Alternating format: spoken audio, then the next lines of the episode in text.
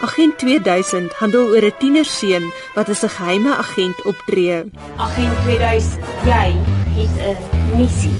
Die fliek het net oor 'n miljoen rand verdien.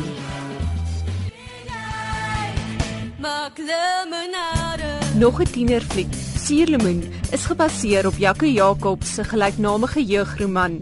'n Dosent in filmstudies by UCT, Dr. Leani Maasdorp, sê sy was verbaas dat die fliek slegs 360 000 rand gemaak het.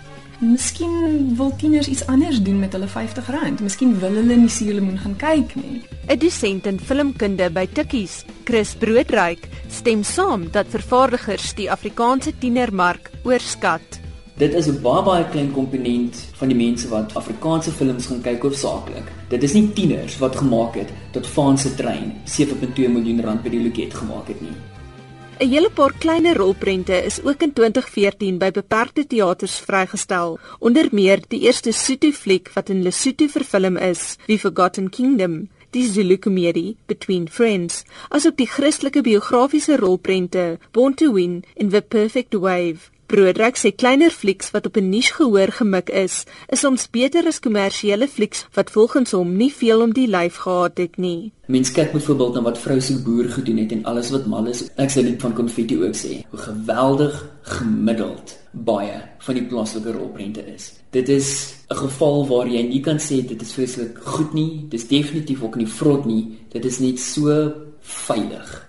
In teenstelling met Broodryk het Maasdorp wel van alles wat mal is gehou. Toe die film begin het dit my baie klisjé gevoel en toe het ek gedink ag nee, nie nog 'n slapstick komedie nie. En dit regtig gegroei op my. Teen die einde van die film was ek heeltemal vasgevang in die wêreld van die karakters.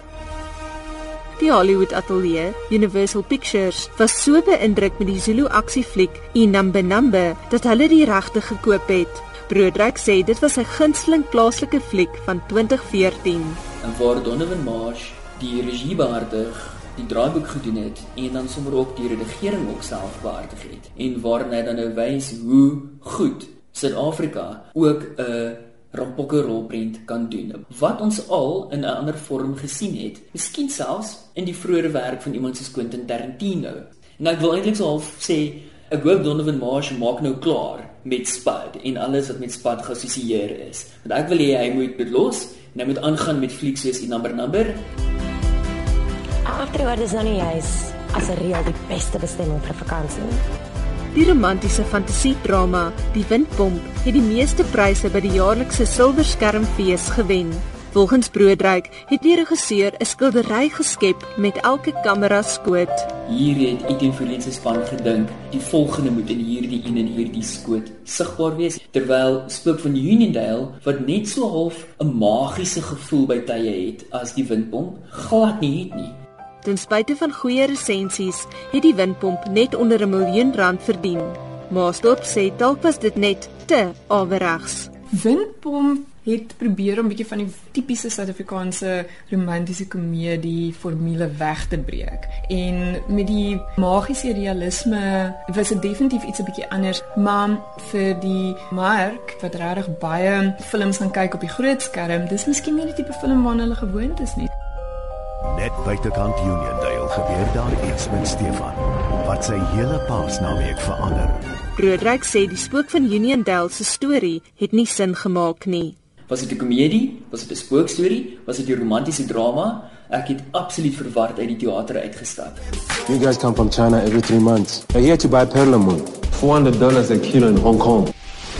Carrie McKenzie is die enigste plaaslike vroue regisseur wat in die jaar 'n fliek op die silwerdoek gehad het. Haar misdaadthriller, Cold Harbor, handel oor 'n polisieman se stryd om perlemoen en tik syndikaate te ontmasker.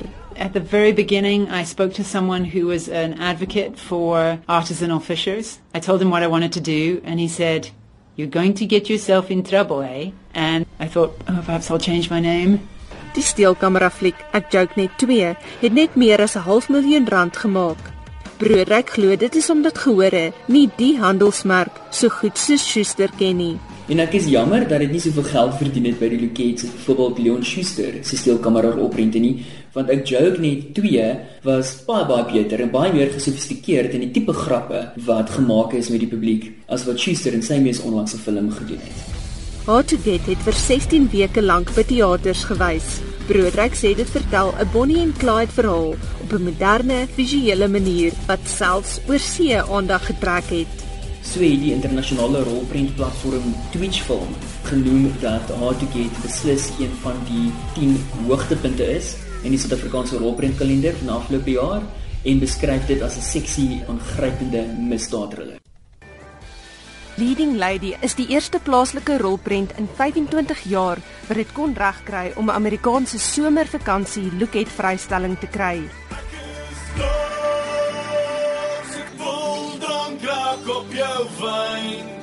Die romantiese komedie het teen einde Desember reeds 7 miljoen rand verdien. Die komedie Nysna is op Ou Kersdag uitgereik en daar is nog geen amptelike look-het syfers daarvan beskikbaar nie. Ek is Anne Marie Jansen van Vuren in Johannesburg.